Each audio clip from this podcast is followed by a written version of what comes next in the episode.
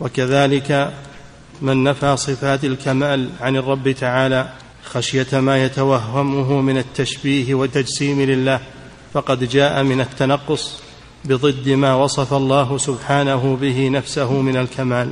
بسم الله الرحمن الرحيم. الحمد لله والصلاة والسلام على رسول الله وعلى آله وصحبه.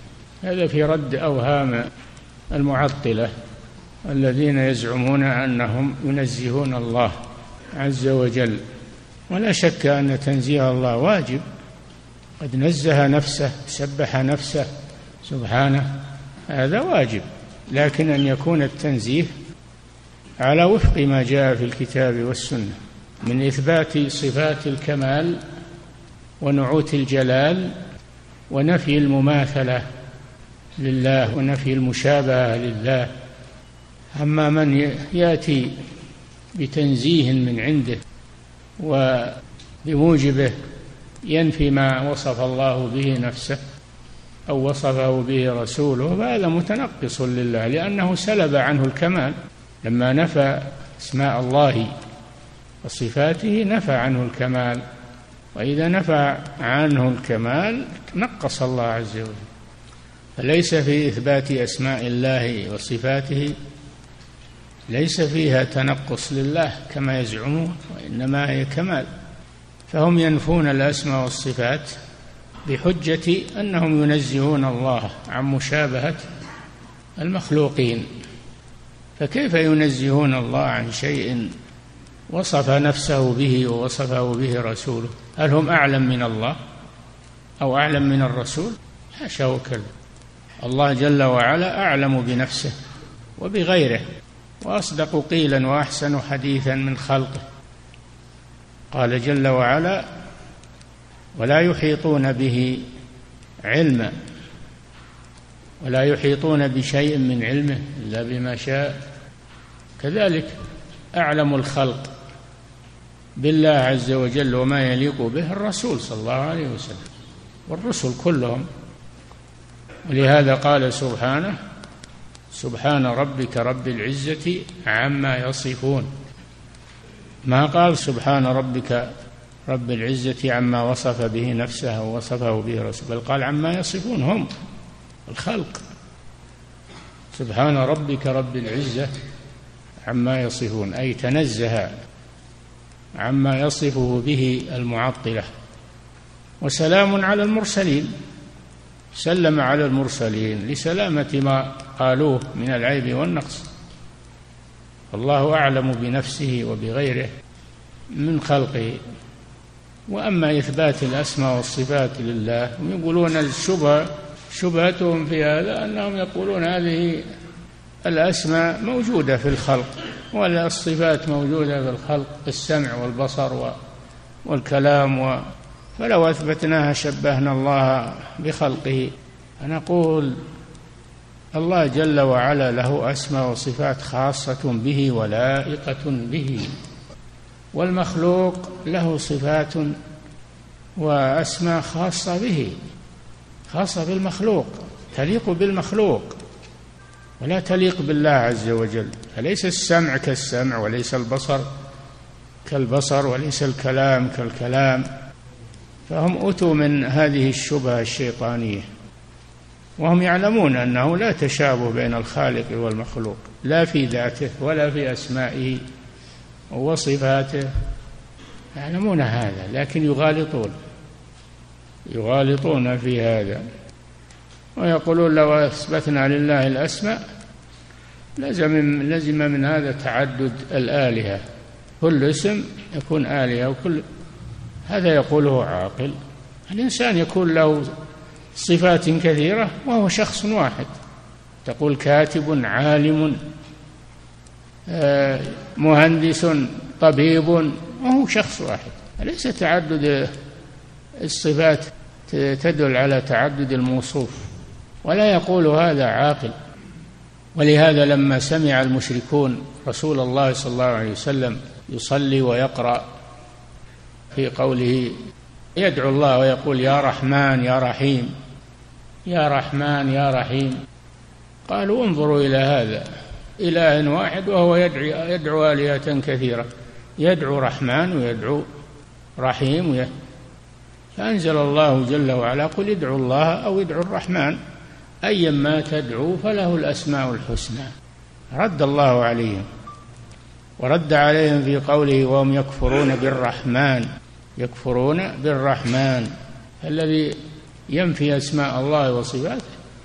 هذا على منهج أهل الجاهلية الذين رد الله تعالى عليهم وأبطل قولهم ادعوا الله أو ادعوا الرحمن. أيما تدعو فله الأسماء الحسنى أسماؤه كثيرة ولا تدل على تعدد الرب إنما تدل على كماله سبحانه وتعالى فكثرة الأسماء تدل على عظمة المسمى. هذه هي القاعدة. فليس تنزيه الله بنفي أسمائه وصفاته وإنما هذا نفي لكماله وإنما تنزيه الله عن مشابهة المخلوقين. ولا تشابه بين الخالق والمخلوق لا في ذاته ولا في أسمائه وصفاته. الله جل وعلا جمع بين إثبات الأسماء والصفات وبين نفي التشبيه. قال سبحانه وتعالى ليس كمثله شيء. هذا نفي للتشبيه والتمثيل. ثم قال وهو السميع البصير. أثبت لنفسه السمع والبصر. مع أن المخلوق له سمع وله بصر لكن لا يتشابهان لا يتشابه صفات الخالق صفات المخلوق. ولا أسماء الخالق وأسماء المخلوق. ليس كمثله شيء وهو السميع البصير. الله قال في الإنسان وجعلناه سميعا بصيرا. في الإنسان. أثبت السمع والبصر للإنسان وأثبت لنفسه السمع والبصر. فلا تشابه بينهما. صفات المخلوق تليق به. وصفات الخالق تليق به. لكن هؤلاء ما قدروا الله حق قدره. فمن نفى أسماء الله وصفاته فإنه ما قدر الله حق قدره سبحانه وتعالى. بل تنقصه. نعم.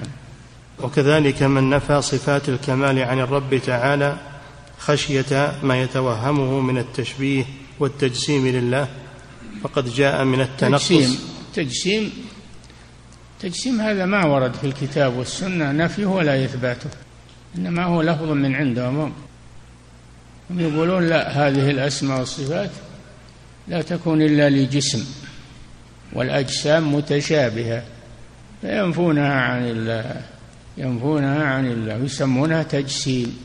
أثبت لله الجسم لأن هذه الأسماء والصفات لا تكون إلا لجسم.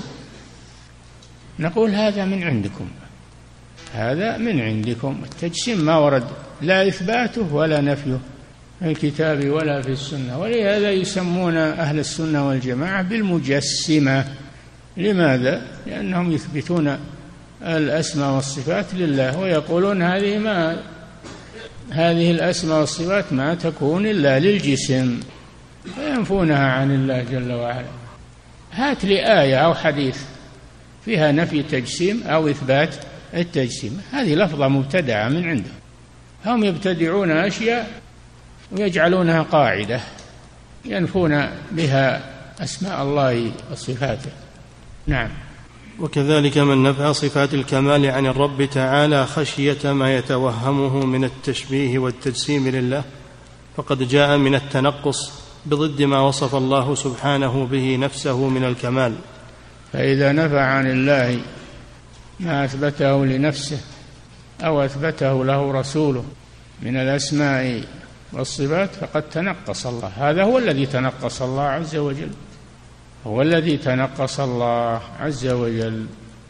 أما الذي يثبت له الأسماء والصفات هذا أثبت له الكمال سبحانه وتعالى. نعم. والمقصود أن هاتين الطائفتين هم أهل التنقص في الحقيقة بل هم أعظم الناس تنقصا.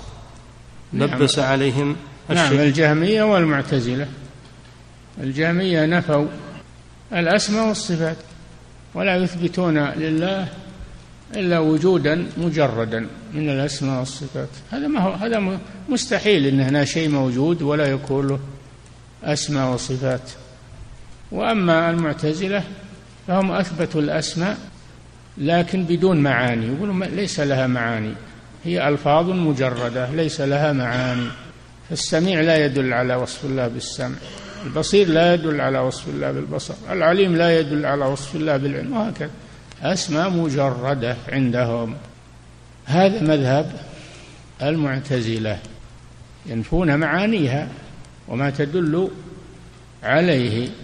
فهذا إثبات لا فائدة منه. شيء ما له معنى لا فائدة من إثباته. هذا مذهب المعتزلة. نعم. والمقصود أن هاتين الطائفتين هم أهل التنقص في الحقيقة بل هم أعظم الناس تنقصا. لبس عليهم الشيطان. الطائفتين الجهمية والمعتزلة هم أعظم الناس تنقصا لله. لما نفوا أسماءه وصفاته صاروا أعظم الناس تنقصا لله وليس من أثبتها لله يكون متنقصا لله بل هو وصفه بالكمال. نعم. لبس عليهم الشيطان حتى ظنوا أن تنقصهم هم هو الكمال. أي نعم وهو التوحيد هو الكمال وهو التوحيد. ويسمون حتى أنهم يقولون أن اللي يثبت صفات الله هذا مشرك لأنه أثبت آلهة كثيرة. هذا مشرك. ولهذا يقول الرازي في تفسيره عن الإمام ابن خزيمة لما ألف الإمام ابن خزيمة كتاب الصفات لله عز وجل قال هذا هذا شرك وهذا كتاب الشرك. يسمي كتاب ابن خزيمة كتاب الشرك. يعني عندهم من أثبت الأسماء والصفات فهو مشرك. تعالى الله عما يقولون. نعم. لبس عليهم الشيطان حتى ظنوا أن تنقصهم هو الكمال ولهذا كانت البدعة قرينة الشرك في كتاب الله تعالى.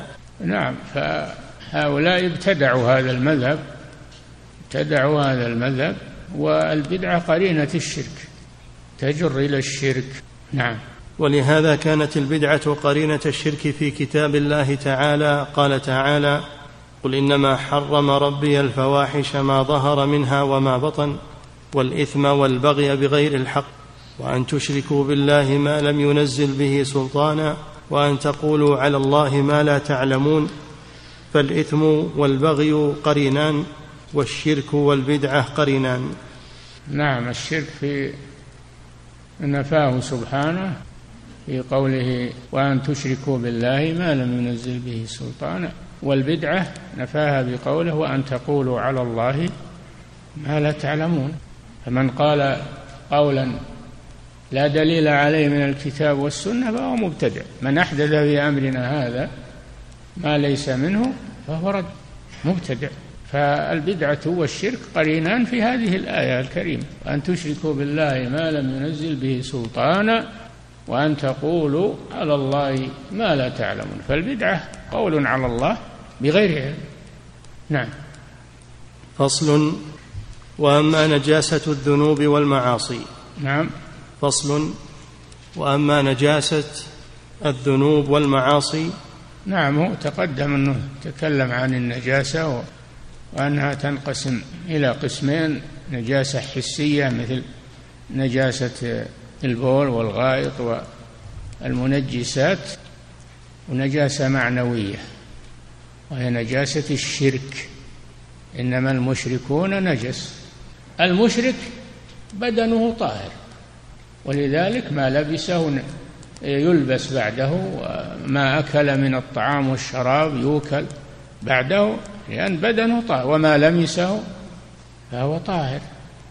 لكن فيه نجاسة معنوية وهي نجاسة الشرك ولهذا لا تحل ذبيحته لأنه نجس. لا تنكح نساء المشركين لأنها نجس.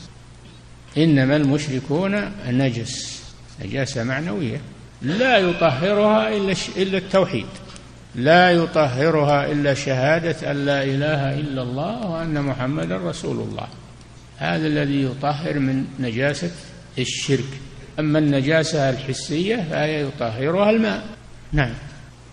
وأما نجاسة الذنوب والمعاصي فإنها وأيضا نجاسة الذنوب والمعاصي هي نجاسة لكنها دون الشرك. دون نجاسة الشرك. نعم. وأما نجاسة الذنوب والمعاصي فإنها بوجه آخر فإنها لا تستلزم تنقيص الربوبية. ولا سوء الظن بالله عز وجل. إي نعم ما تصل إلى تنقص الرب سبحانه وتعالى ولكنها هي نجاسة بقدرها. المذنب ليس مشركا اللي عنده ذنوب دون الشرك عنده ذنوب دون الشرك مثل الزنا والسرقة وشرب الخمر وأكل الربا. هذا عنده نجاسة نجاسة ذنوب لكنها لا تصل إلى نجاسة الشرك. نعم. وأما نجاسة الذنوب والمعاصي فإنها بوجه آخر فإنها لا تستلزم تنقيص الربوبية ولا سوء الظن بالله عز وجل. ولهذا هذا أخف أخف من الشرك بالله عز وجل. هي أخف من الشرك بالله. تصدر الذنوب والكبائر من المسلم ومن المؤمن. أما الشرك فلا يصدر إلا من مشرك وكافر. نعم. ولهذا لم يرتب الله سبحانه عليها من العقوبات والأحكام ما رتبه على الشرك. نعم لأن لأن المشرك لا يدخل الجنة. إنه من يشرك بالله فقد حرم الله عليه الجنة ومأواه النار وما للظالمين من أنصار. والشرك يحبط الأعمال. لئن أشركت ليحبطن عملك. أما ما دونه من الذنوب والمعاصي ما دون الشرك من الذنوب والمعاصي فهو لا يحبط الأعمال ولا يمنع من دخول الجنة. فالموحد إذا عصى الله يدخل الجنة. ولو بعدما يعذب في النار بقدر معصيته لا يخلد في النار.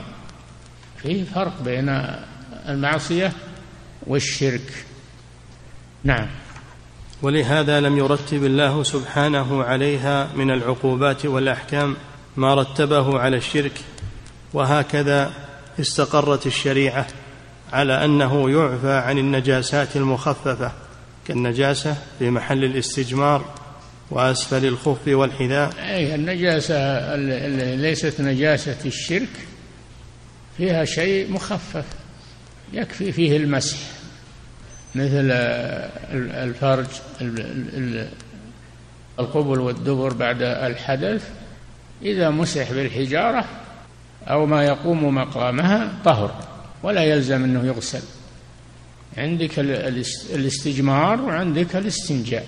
الاستجمار بالحجارة أو ما يقوم مقامها والاستنجاء يكون بالماء. إذا اقتصر على واحد منهما أجزاء بالإجماع. إذا اقتصر على الاستجمار أجزى بالإجماع. هذا من تخفيف النجاسة. كذلك النعل إذا كان فيه نجاسة مسحتها بالتراب يطهر النعل بالمسح. تخفيف نجاسة مخففة هذه. نعم.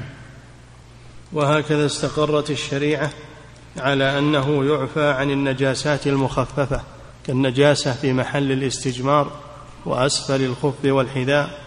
نعم. وبول الصبي الرضيع. بول الصبي الرضيع. الذكر يكفي فيه الرش والنضح يغسل من بول الجارية ويرش من بول الغلام كما في الحديث. مخففة نجاسة بول الذكر الصبي مخففة الذي لم يأكل الطعام. هذا نجاسة بوله مخففة يكفي بها النضح نعم. وبول الصبي الرضيع وغير ذلك ما لا يعفى الرضيع يعني اللي يقتصر على الرضاعة أما إذا أكل الطعام فنجاسته مثل نجاسة الكبير. نعم.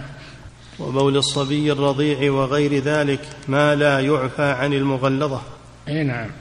وكذلك يعفى عن الصغائر ما لا يعفى عن الكبائر. من الذنوب. يعفى عن الصغائر. تكفر الصغائر بعدة مكفرات. خلاف الكبائر فلا تكفر إلا بالتوبة. إن تجتنبوا كبائر ما تنهون عنه نكفر عنكم سيئاتكم. الصغائر تكفر بأشياء كثيرة. وأما الكبائر فلا تكفر إلا بالتوبة منها. نعم. ويعفى لأهل التوحيد المحض الذي لم يشوبوه بالشرك ما لا يعفى لمن ليس كذلك. يعفى عن الموحد ولو أذنب. ما لا يعفى عن المشرك. الله يعفو عن المسلم المذنب. ما دام ما عنده شرك في الحديث لو أتيت يا ابن آدم لو أتيتني بقراب الأرض خطايا ثم لقيتني لا تشرك بي شيئا لأتيتك بقرابها مغفرة. الموحد ولو صدر منه ذنوب قد يغفرها الله سبحانه وتعالى ولو كانت كثيرة. نعم. فلو لقي الموحد الذي لم يشرك بالله شيئا البتة ربه بقراب الأرض خطايا أتاه بقرابها مغفرة. هذا في الحديث الصحيح. يا ابن آدم لو أتيتني بقراب الأرض يعني ملء الأرض. قراب يعني ملء. بقراب الأرض خطايا. ثم لقيتني لا تشرك بي شيئا لأتيتك بقرابها مغفرة. هذا وعد من الله سبحانه وتعالى. نعم. والمعصيه أخف من الشرك. نعم. ولا يحصل هذا لمن نقص توحيده وشابه بالشرك. أما المشرك فلا يغفر الله له إلا بالتوبة. أما إذا مات وهو مشرك فهو خالد مخلد في النار. نعم. ولا يحصل هذا لمن نقص توحيده وشابه بالشرك.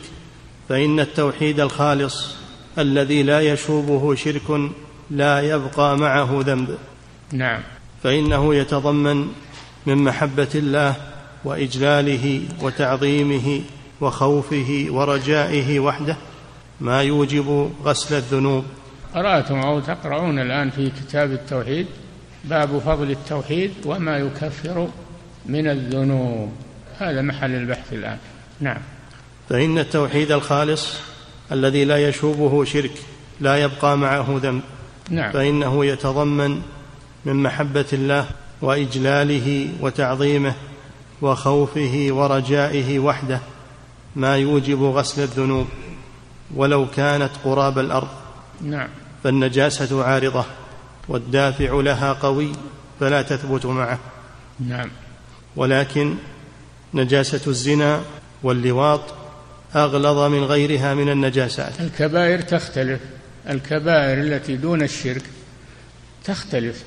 هناك أكبر الكبائر السحر الشرك والسحر و والزنا وأكل الربا وأكل فهناك أكبر الكبائر وهناك كبائر الكبائر تتفاوت بعضها أشد من بعض. ابن مسعود رضي الله عنه سأل النبي صلى الله عليه وسلم فقال له يا رسول الله أي الذنب أعظم؟ قال أن تجعل لله ندا وهو خلقك. الشرك هو أعظم الذنوب. قال ثم أي قال أن تزني بحليلة جارك. الزنا محرم كبيرة لكن الزنا بذوات المحارم وبزوجة الجار أشد والعياذ بالله. أن تزاني بحليلة جارك. ثم قال ثم ماذا؟ يعني بعد هذا. قال أن تقتل ولدك. خشية أن يطعم معك. كما في الجاهلية. يقتلون أولادهم خشية الفقر. قتل النفس محرم كبيرة شديدة لكن قتل الأقارب والأولاد أشد. وأنزل الله في ذلك والذين لا يدعون مع الله إلها آخر ولا يقتلون النفس التي حرم الله إلا بالحق ولا يزنون. ومن يفعل ذلك يلقى أثاما. ضاعف له العذاب يوم القيامة ويخلد فيه يخلد فيه مهانا إلا من تاب. نعم فالكبائر تختلف. موبقات منها موبقات. اجتنبوا السبع الموبقات يعني المهلكات وهي أكبر الكبائر. نعم. ولكن نجاسة الزنا واللواط أغلظ من غيرهما من النجاسات. نعم. من جهة أنها تفسد القلب. تفسد القلب. الزنا واللواط يفسدان القلب. نعم. وتضعف توحيده جدا. نعم. ولهذا أحظى الناس بهذه النجاسة أكثرهم شركا. نعم. فكلما كان الشرك في العبد أغلب كانت هذه النجاسة والخبائث فيه أكثر. الشرك يسهل الوقوع في الكبائر يسهل الزنا يسهل اللواط يسهل يدعو إلى الفواحش والعياذ بالله. نعم. فكلما كان الشرك في العبد أغلب كانت هذه النجاسة والخبائث فيه أكثر وكلما كان أعظم إخلاصا كان منها أبعد. نعم. كما قال تعالى عن يوسف الصديق عليه السلام كذلك لنصرف عنه السوء والفحشاء إنه من عبادنا المخلصين. نعم. يوسف عليه السلام لما راودته امراه العزيز امرأة الملك غلقت الأبواب وقالت هيت لك. ما عندهم أحد. مرت ملكهم تزينهم تجمله طلبت منه أن يواقعها. قال معاذ الله. إنه ربي. أحسن مثواي. إنه لا يفلح الظالمون. ولقد همت به وهم بها لولا أن رأى برهان ربه. كذلك انتبهوا كذلك لنصرف عنه السوء والفحشاء. السبب؟ إنه من عبادنا المخلصين. هذا هو السبب. أن يوسف عليه السلام مخلص لله عز وجل في عبادته توحيده. فأبى أن يواقع المرأة مع أن الدواعي كثيرة ولكنه لقوة إيمانه بربه توحيده ووفائه لسيده أيضا. أبى أبى وهرب منها ولحقت به. شقت قميصه. كل هذا لأن الله عصمه بسبب أنه من عباد الله المخلصين. نعم. فإن عشق الصور المحرمة نوع تعبد لها بل هو نعم من يعني قد يكون الإنسان ما عنده شرك بالله بالعبادة لكن يتعلق قلبه بامرأة يعشقها يصير عبدا لها. يصير عبدا لمن عشقها. كما أنه إذا طلب الدنيا وحرص عليه يصير عبدا للمال. كما أنه إذا قدم هواه اتبع هواه صار عبدا لهواه. ومن أضل ممن اتبع هواه بغير هدى من الله. نعم. فإن عشق الصور المحرمة نوع تعبد لها. نعم فمن عشق امرأة صار عبدا لها. يتابعها ويترضاها ويفكر فيها دائما يخضع لها. ولهذا أوجب الله الحجاب على النساء وحرم الاختلاط لأجل منع الفاحشة. هذه وسائل من وسائل الفاحشة. سدها الله عز وجل على المؤمنين لأجل أن يسلموا منها. لكن يجي الفسقة والمنافقون الآن ويفتحون هذه الأشياء يقولون ما في حجاب. هذا تحجر على المرأة. ما في تحريم خلوة. ما في تحريم خلوة. ويفتحون هذه الأبواب القبيحة على الناس. نعم. فإن عشق الصور المحرمة نوع تعبد لها بل هو من أعلى أنواع التعبد ولا سيما إذا استولى على القلب وتمكن منه صار تتيما والتتيم التعبد. إي نعم تيم الله يعني عبد الله. فإذا حب المرأة واشتد حبه لها صار متيما لها يحبها أشد المحبة وعبدا لها يلتمس رضاها ويبتعد عما يسخطها. نعم. فيصير العاشق عابدا لمعشوقه وكثيرا ما يغلب حبه وذكره والشوق إليه والسعي في مرضاته وإيثار محابه على حب الله وذكره والسعي في ولهذا قال سبحانه قل للمؤمنين يغضوا من أبصارهم ويحفظوا فروجهم ذلك أزكى لهم إن الله خبير بما يصنعون. وقل للمؤمنات يغضضن من أبصارهن ويحفظن فروجهن ولا يبدين زينتهن يعني ما يبدين وجوههن وأجسامهن إلا لبعولتهن. أو آباء بعولتهن أو أبنائهن أو أبناء إلى آخر الآية. نعم. وليضربن بخمرهن على جيوبهن. بخمرهن. الخمار غطاء الرأس يسدل على الوجه حتى يغطيه ويغطي النحر. هذا الحجاب منعا للشهوة بالمرأة التي لا تحل له. نعم. وكثيرا ما يغلب حبه وذكره والشوق إليه والسعي في مرضاته وإيثار محابه على حب الله وذكره والسعي في مرضاته.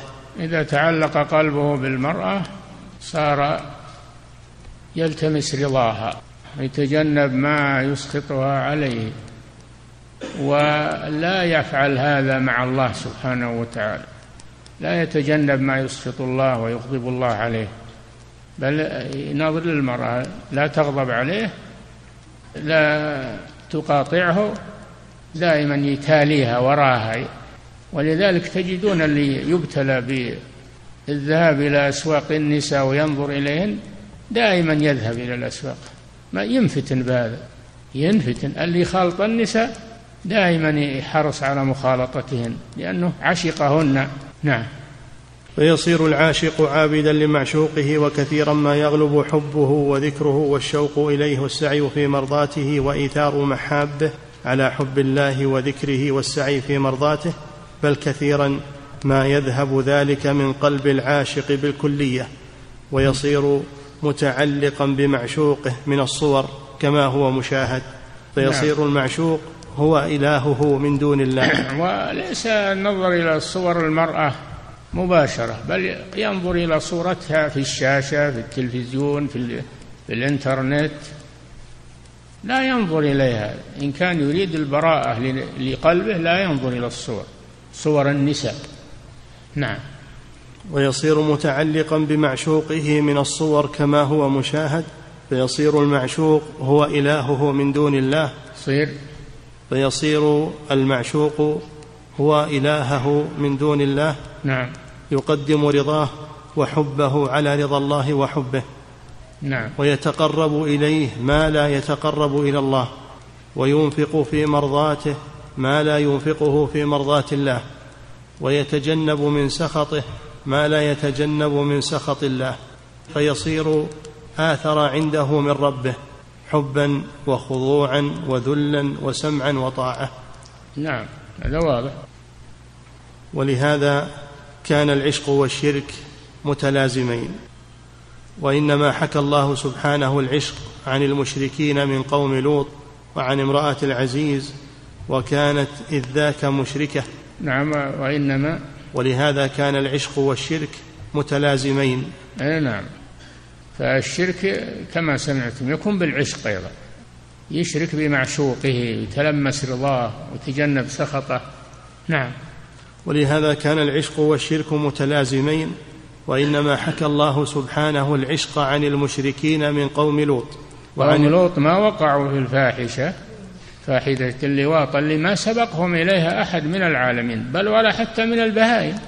فلا تجد مثلا ذكر البهائم ينزو على ذكر آخر أبدا. ما تجد هذا في البهائم. ما سبقكم بها من أحد من العالمين. السبب أنهم ما كفوا أنظارهم عن النظر إلى الغلمان وإلى وإلى المعشوقين فأوقعهم ذلك في اللواط والعياذ بالله. البصر هو هو الآفة. نعم. ولهذا لما جاءت الملائكة لإهلاكهم بقيادة جبريل عليه السلام ضرب بجناحه عليهم فطمس أعينهم. ولقد راودوه عن ضيفه فطمسنا أعينهم. ضربهم جبريل بجناحه فعموا كلهم والعياذ بالله. لأن البصر هو السبب اللي يوقعهم هذه الفاحشة. نعم. ولهذا كان العشق والشرك متلازمين وإنما حكى الله سبحانه العشق عن المشركين من قوم لوط وعن امرأة العزيز وكانت إذ ذاك مشركة. فكل وعن امرأة العزيز لأنها كانت مشركة. فهي اللي مثلا أرادت أن تستعطف يوسف عليه السلام وتجذبه ليقع في الفاحشة. ولكن الله عصمه بالتوحيد والإخلاص. نعم. فكلما قوي شرك العبد بلي بعشق الصور وكلما قوي توحيده صرف ذلك عنه. مثل ما حصل ليوسف صرف الله عنه السوء والفحشاء بسبب توحيده أنه كان من عبادنا المخلصين. نعم. والزنا واللواط كمال لذته إنما يكون مع العشق ولا يخلو صاحبهما منه وإنما لتنقله من محل إلى محل لا يبقى عشقه مقصورا على محل واحد بل ينقسم على سهام كثيرة لكل محبوب نصيب من تألهه وتعبده. نعم وإذا ابتلي بالعشق الامرأة فإن هذا يسري على جميع النساء يصير تتبع النساء وينظر أي نزين أي أحسن وهكذا. نعم. فليس في الذنوب أفسد للقلب والدين من هاتين الفاحشتين ولهما الزنا واللواط. نعم. ولهما خاصية في تبعيد القلب من الله فإنهما من أعظم الخبائث. نعم. فإذا انصبغ القلب بهما بعد ممن هو طيب لا يصعد إليه إلا الطيب إلا طيب. الله جل وعلا طيب ولا يصعد إليه إلا الطيب. إليه يصعد الكلم الطيب العمل الصالح يرفعه فهو طيب. جل وعلا ولا يصعد إليه إلا الطيب. أما الخبيث لا يصعد إلى الله عز وجل. ما يصعد إلى الله إلا التوحيد والتسبيح والتكبير والكلام الطيب. أما الكلام الخبيث فلا يصعد إلى الله. نعم. فإذا انصبغ القلب بهما بعد ممن هو طيب لا يصعد إليه إلا طيب. ولهذا قال جل وعلا الطيبات للطيبين والطيبون للطيبات. الخبيثات للخبيثين والخبيثون للخبيثات والطيبات للطيبين طيبون للطيبات كل مع جنسه. نعم. وكلما ازداد خبثا ازداد من الله بعدا.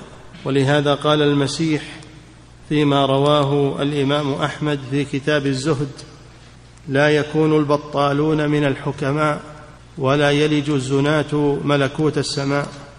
ولهذا قال المسيح ولهذا قال المسيح فيما رواه الإمام أحمد. مسيح عيسى بن مريم عليه الصلاة والسلام. نعم. ولهذا قال المسيح عليه السلام فيما رواه الإمام أحمد في كتاب الزهد. كتاب مشهور للإمام أحمد اسمه الزهد. نعم. لا يكون البطالون من الحكماء. نعم. ولا يلج الزناة ملكوت السماء. ولا يلج الزناة ملكوت السماء. لا يرتفعون إلى الله جل وعلا. نعم. ولهذا كانت هذا حال الزنا كان قرينا للشرك في كتاب الله. نعم. قال تعالى الزاني لا ينكح إلا زانية أو مشركة. إي نعم فقرن الزنا بالشرك. الزاني لا ينكح يعني لا يتزوج لا ينكح يعني لا يتزوج إلا زانية أو مشركة فقرن بين الزنا والشرك. نعم. ولهذا الزاني لا ينكح إلا زانية أو مشركة. والزانية لا ينكحها إلا زان أو مشرك. وحرم ذلك على المؤمنين. فالزانية ما تزوج ولا يصح تزويج حتى تتوب إلى الله عز وجل وتستعد عدة. فإذا تابت واعتدت تتزوج من الطيبين. لأنها طهرت بالتوبة. أما ما دامت تمارس الزنا فلا يجوز للمسلم أن يتزوجها. نعم. ولما كانت هذه حال الزنا كان قرينا للشرك في كتاب الله قال تعالى الزاني لا ينكح إلا زانية أو مشركة والزانية لا ينكحها إلا زان أو مشرك وحرم ذلك على المؤمنين. نعم. والصواب القول بأن هذه الآية محكمة يعمل بها لم ينسخها شيء وهي مشتملة على خبر وتحريم ولم يأتي من ادعى نسخة؟ نعم. على خبر الزانية لا ينكحها إلا زان أو مشرك. الزاني لا ينكح إلا زانية أو مشركة والزانية لا ينكحها إلا زان أو مشرك. هذا خبر. وحرم ذلك على المؤمنين هذا حكم حكم شرعي. نعم. وهي مشتملة على خبر وتحريم ولم يأت من ادعى نسخها بحجة البتة. نعم. والذي أشكل منها على كثير من الناس واضح بحمد الله فإنهم أشكل عليهم قوله الزاني لا ينكح إلا زانية أو مشركة هل هو خبر أو نهي أو إباحة؟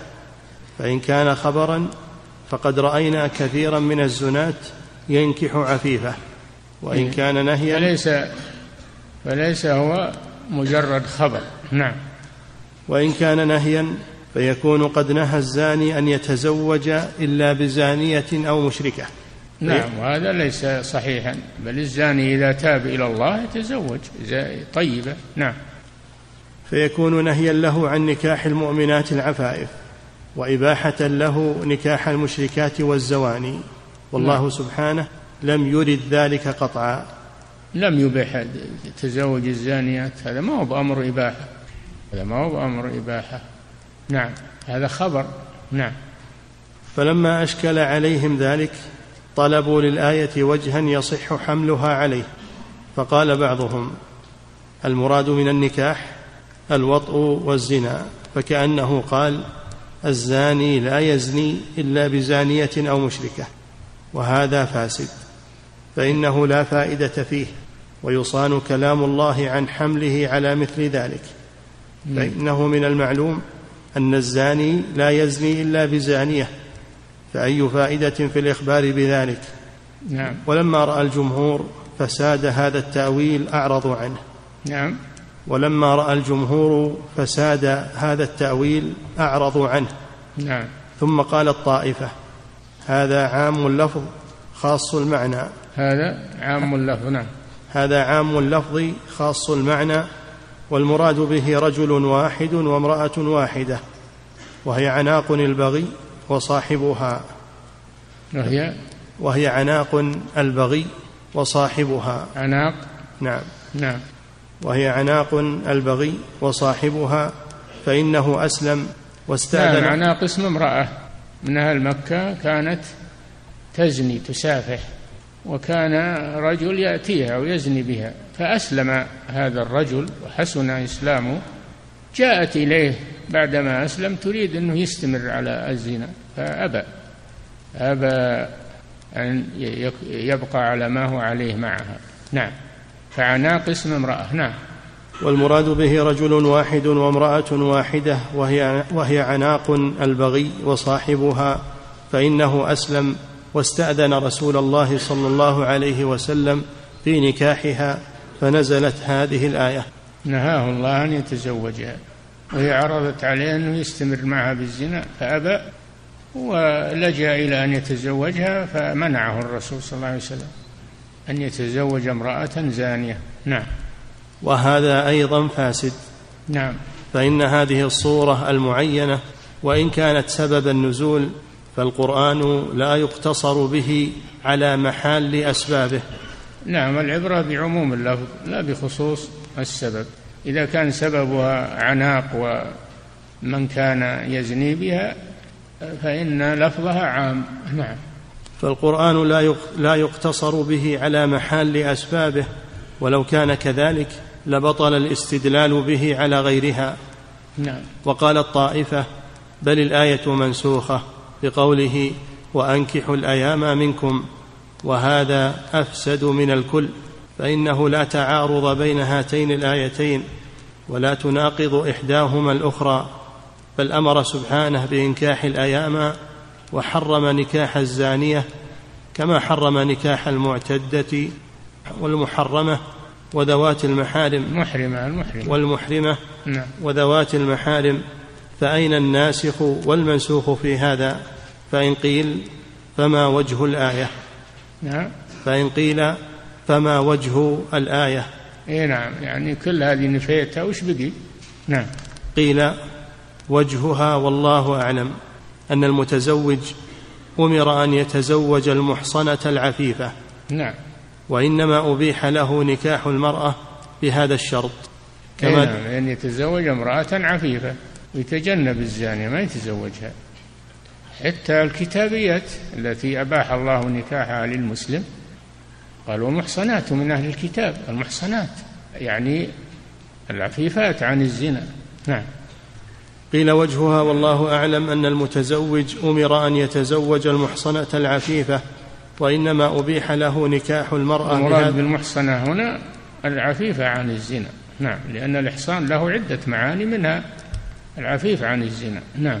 المحصنة العفيفة وإنما أبيح له نكاح المرأة بهذا الشرط كما ذكر ذلك سبحانه في سورتي النساء والمائدة.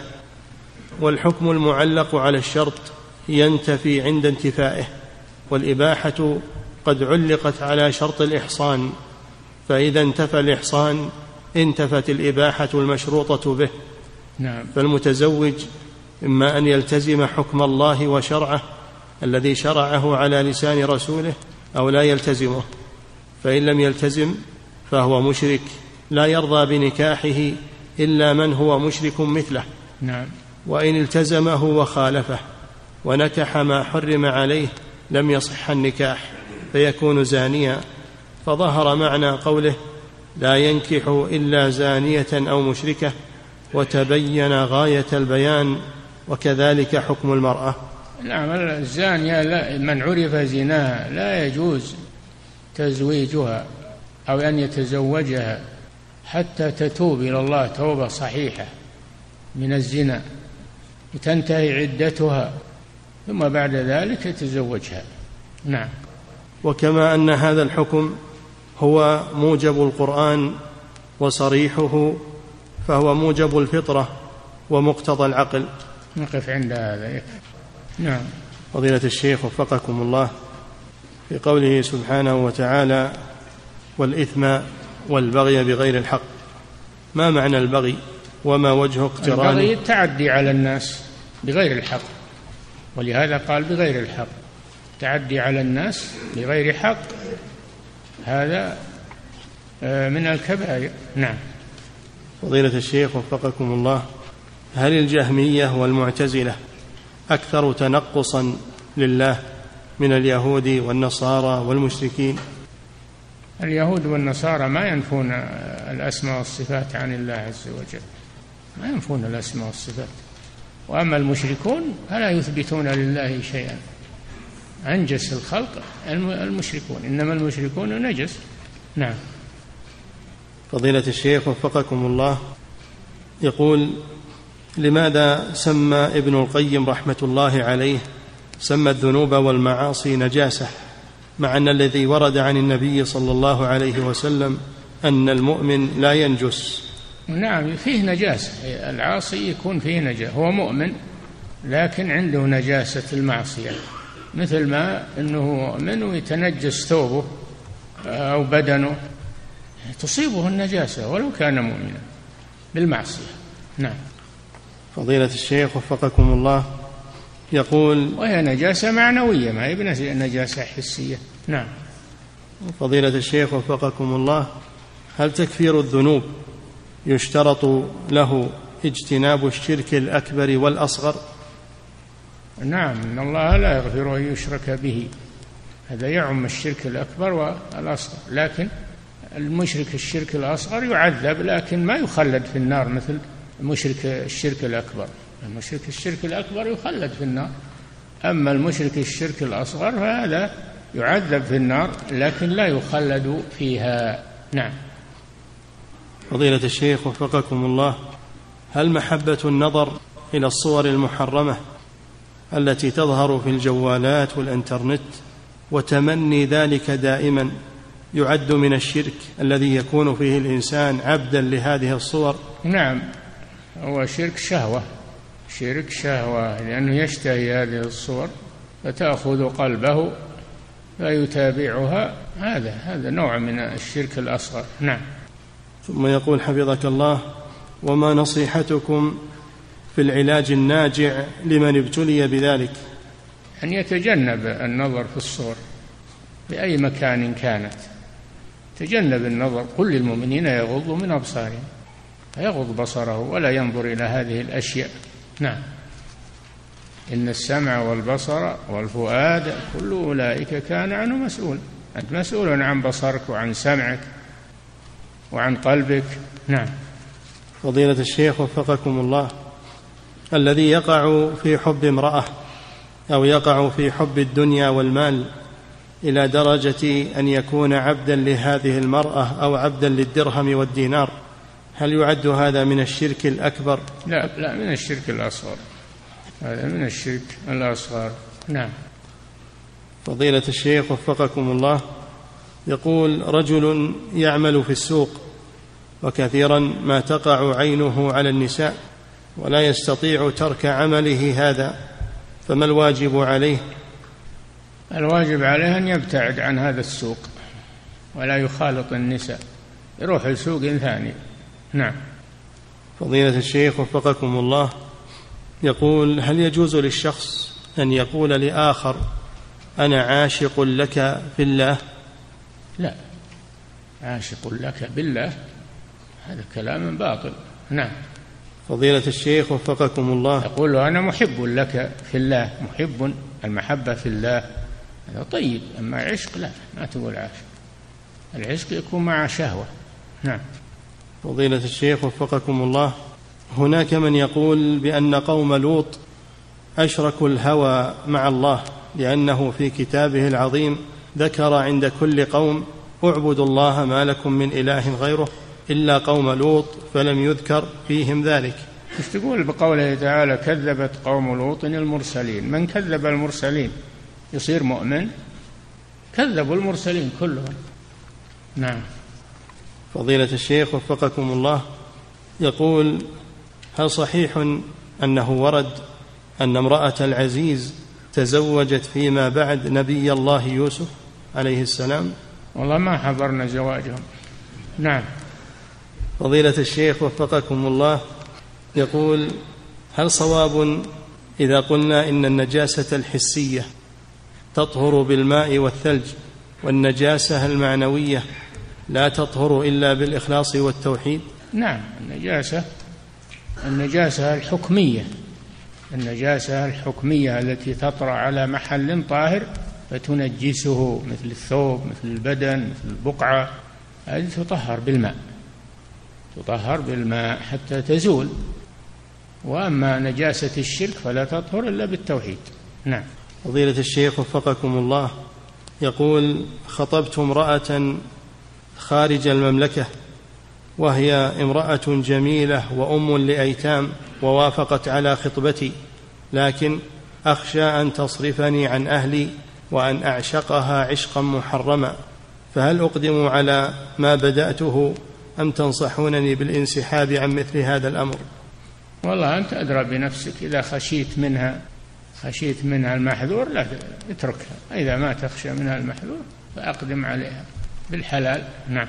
فضيلة الشيخ وفقكم الله يقول هناك بعض الشباب حديثي العهد بالاستقامة يدخلون إلى مواقع في الإنترنت وينصحون الفتيات مباشرة ويتواصلون معهم بهدف إرشادهم ونصحهم. ما حكم التواصل مع الفتيات من طريق الإنترنت بهدف النصح والموعظة وغير ذلك؟ لا تذهب إلى مواطن الشر تقول بنصح لكن اكتب نصيحة أرسلها اتصل بالجوال بالتلفون وانصح. أما تذهب إلى مواطن الشر والفتنة تقول بنصح تصاب أنت. نعم. فضيلة الشيخ وفقكم الله يقول هل هناك فرق بين المرأة الزانية والمرأة البغي؟ هي البغي الزانية هي البغي. نعم. فضيلة الشيخ وفقكم الله في قوله سبحانه وتعالى أن يوسف عليه والزنا على قسمين الزنا زنا السفاح اللي اللي تزني مع كل أحد هذا سفاح. والزنا الخاص تزني مع صاحبها ومع عشيقها هذا متخذ أخدان هذا متخذ أخدان.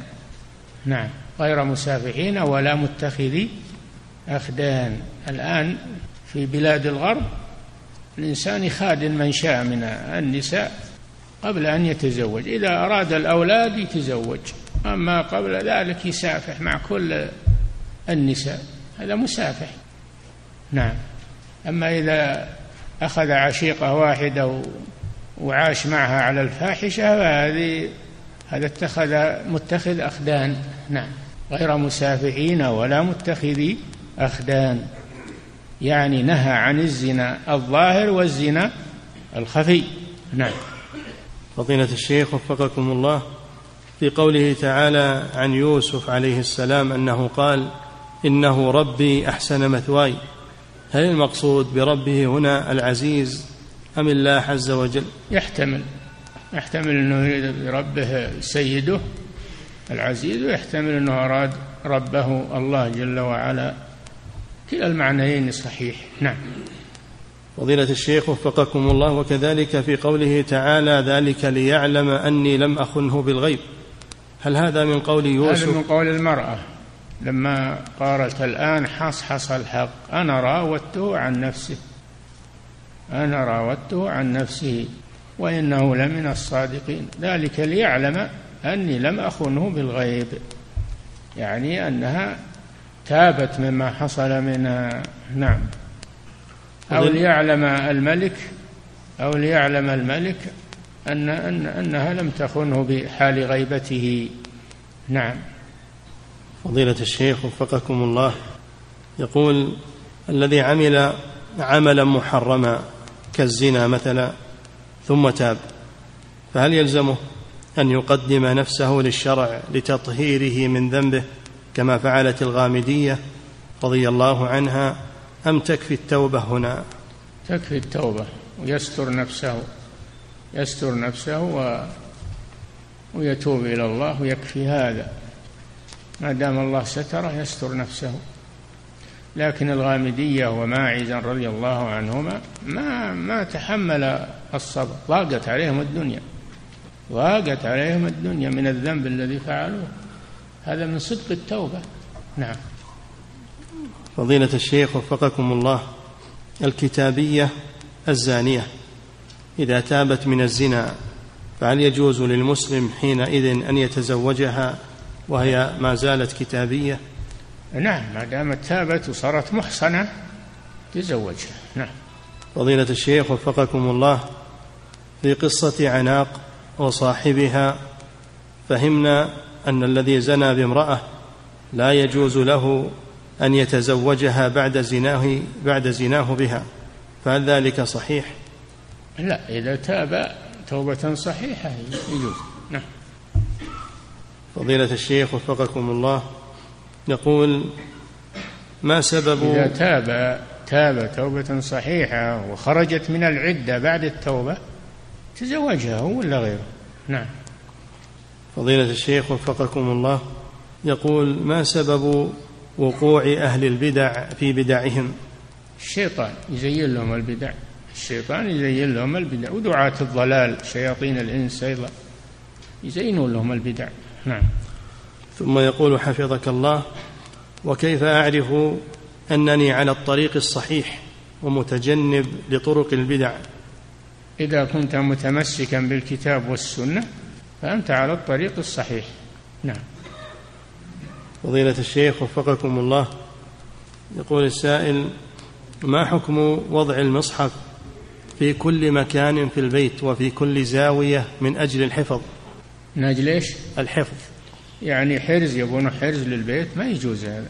هذا من اتخاذ الحروز ما يجوز هذا. المصحف تاخذه البيت للقراءة تبي تقرأ فيه شيء طيب. أما تحطه من أجل أنه يحفظ البيت هذا من اتخاذ الحروز ولا يجوز. نعم. فضيلة الشيخ وفقكم الله هل يجوز التأسف والترحم على من مات على الكفر مع أنه كان قدوة في أعمال إنسانية ومكافحة للظلم الله العافية. ما كان للنبي والذين آمنوا أن يستغفروا للمشركين؟ ولو كانوا أولي قربى من بعد ما تبين لهم أنهم أصحاب الجحيم. ما يجوز أن يستغفر للمشرك والكافر بعد موته. نعم ولو كان من الأقارب. إبراهيم عليه السلام تبرأ من أبيه وهو أبوه. نعم. فضيلة الشيخ وفقكم الله يقول سمعت أن الحكمة من إباحة الزواج بالكتابية هي دعوتها إلى الإسلام. من المقاصد هذا؟ نعم هذا من المقاصد أنها تسلم يرجى أنها تسلم إذا رأت هدي الإسلام ورأت زوجها استقامة زوجها وعدل زوجها. هذا من الأسباب ما في شك. نعم. وهل تعد هذه العلة إلى غيرها من المشركات؟ لا المشركة ما يتزوجها. ولا تنكحوا المشركات حتى يؤمن. ما يجوز يتزوج. ولا تمسكوا بعصم الكوافر. علمتموهن مؤمنات؟ لا ترجعوهن إلى الكفار. لا هن حل لهم ولا هم يحلون لهن. نعم. فضيلة الشيخ وفقكم الله قبيل صلاة المغرب بربع ساعة هل يجوز التنفل في هذا الوقت؟ سواء كان من ذوات الأسباب أو غيرها. غيرها لا أما ذوات الأسباب محل خلاف. إذا فعله لا بأس. نعم.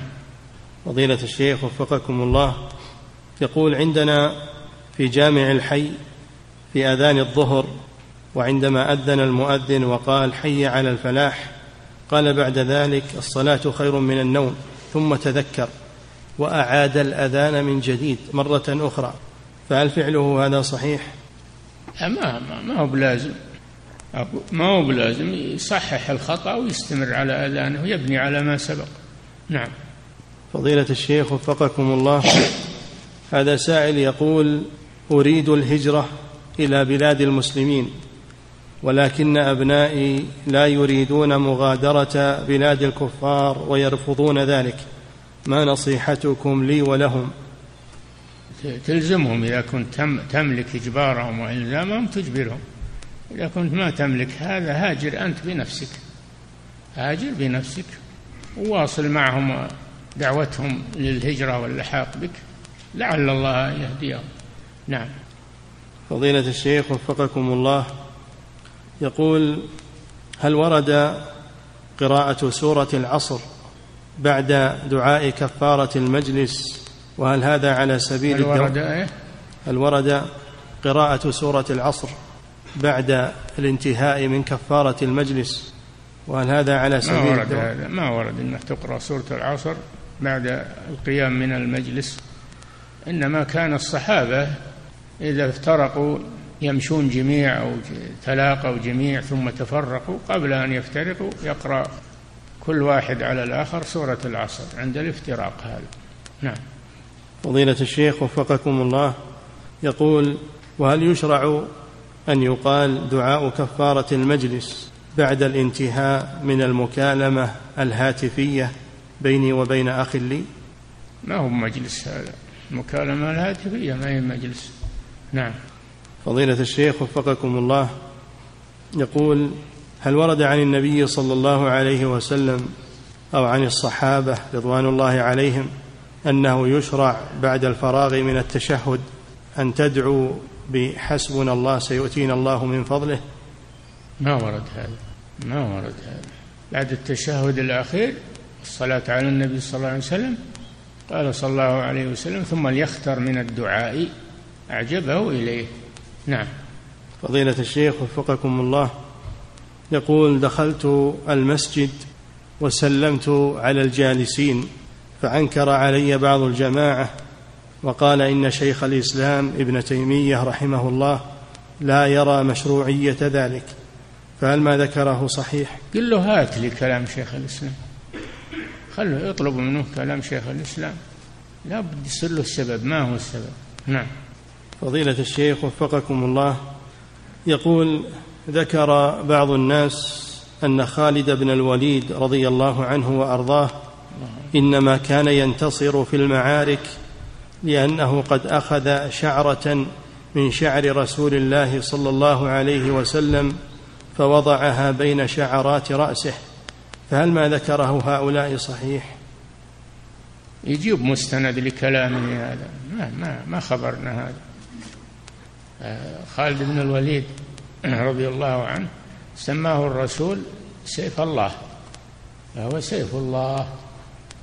وقاتل المشركين وفتح الفتوح رضي الله عنه وأرضاه. نعم. فضيلة ولا ذكر إنه جعل شعره من شعر الرسول صلى الله عليه وسلم. نعم. فضيلة الشيخ وفقكم الله يقول هناك من مدرسي الجامعات وغيرهم من يقول لنا إن التدريس والدراسة في الحلقات في المسجد قد أخذت وقتكم وشغلتكم عن طلب العلم الحقيقي فهل قولهم هذا صحيح؟ طلب العلم الحقيقي؟ والدراسة في المساجد ما هي بطلب علم حقيقي؟ لكن بإمكانك تجعل وقت لدراسة آه، النظامية وتجعل وقت آخر لحضور الدروس. ما تحرم نفسك من حضور الدروس. والوقت واسع ولله الحمد. نعم. فضيلة الشيخ وفقكم الله يقول هل يكفي في إقامة الحجة أن تصل إلى الإنسان أو لا بد من فهمها؟ الذي يعرف لغة العرب إذا بلغه القرآن يكفي لأنه يعرف معنى الآية. وأوحي إلي هذا القرآن لأنذركم به ومن بلغ. وبلوغ القرآن مع فهم معانيه من العربي هذا تقوم عليه الحجة. أما الأعجمي فيترجم له تفسير الآية ومعنى الآية. ما يكفي أنه يسمع الآية وما يعرف معناها. فسر له ذلك بلغته. نعم. فضيلة الشيخ وفقكم الله يقول هل عندما أنقل كلام العلماء وأنقل ردودهم على المخالفين لمنهج السلف أكون قد انشغلت أو اشتغلت فيما لا ينفع وتركت طلب العلم. إيش ما قصدك بالنقل إنك تكتب ردود تنقلها من الكتب هذا ما يصلح. أو قصدك أنك تأخذ الكتب اللي فيها الرد وتهديها للآخرين. هذا طيب. نعم. فضيلة الشيخ وفقكم الله هل الستار اسم من أسماء الله تعالى؟ وهل المسعر من أسماء الله سبحانه؟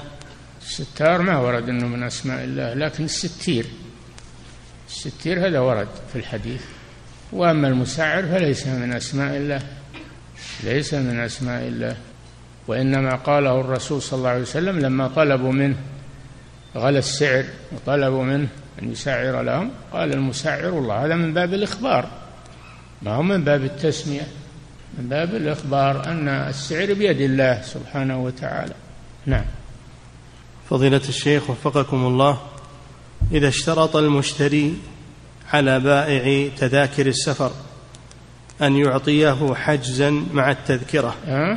إذا اشترط المشتري على بائع تذاكر السفر أن يعطيه حجزا مع التذكرة وإلا بطل البيع فهل يصح هذا الشرط؟ لا. ما, ما يلزم بائع التذكرة ما يلزمه يحجز له إن بغى يحجز له يحجز له إن بغى ما يحجز حجز هو ولا يعطي واحد يحجز له نعم. فضيلة الشيخ وفقكم الله يقول السائل نحن نعيش في بلاد الكفار ولدينا مسجد فحثنا إمام المسجد على لبس الطاقية كي نتميز عن الكفار. فهل يشرع لنا اتباع نصيحته والأخذ بقوله؟ لا ما ما يلزمكم هذا. والكفار يلبسون الطواقي مش ما هي بخاصة للمسلمين. نعم. فضيلة الشيخ وفقكم الله الغسل من الجنابة هل هو رافع للحدث الأكبر والأصغر فيصلي به؟ إذا نوى دخول الأصغر إذا نواه مع الأكبر الأعمال بالنيات أما إذا لم ينوه فلا بد من الوضوء. نعم. مؤسسة الدعوة الخيرية الدعوة إلى الله هدفنا والتقنية الحديثة وسيلتنا.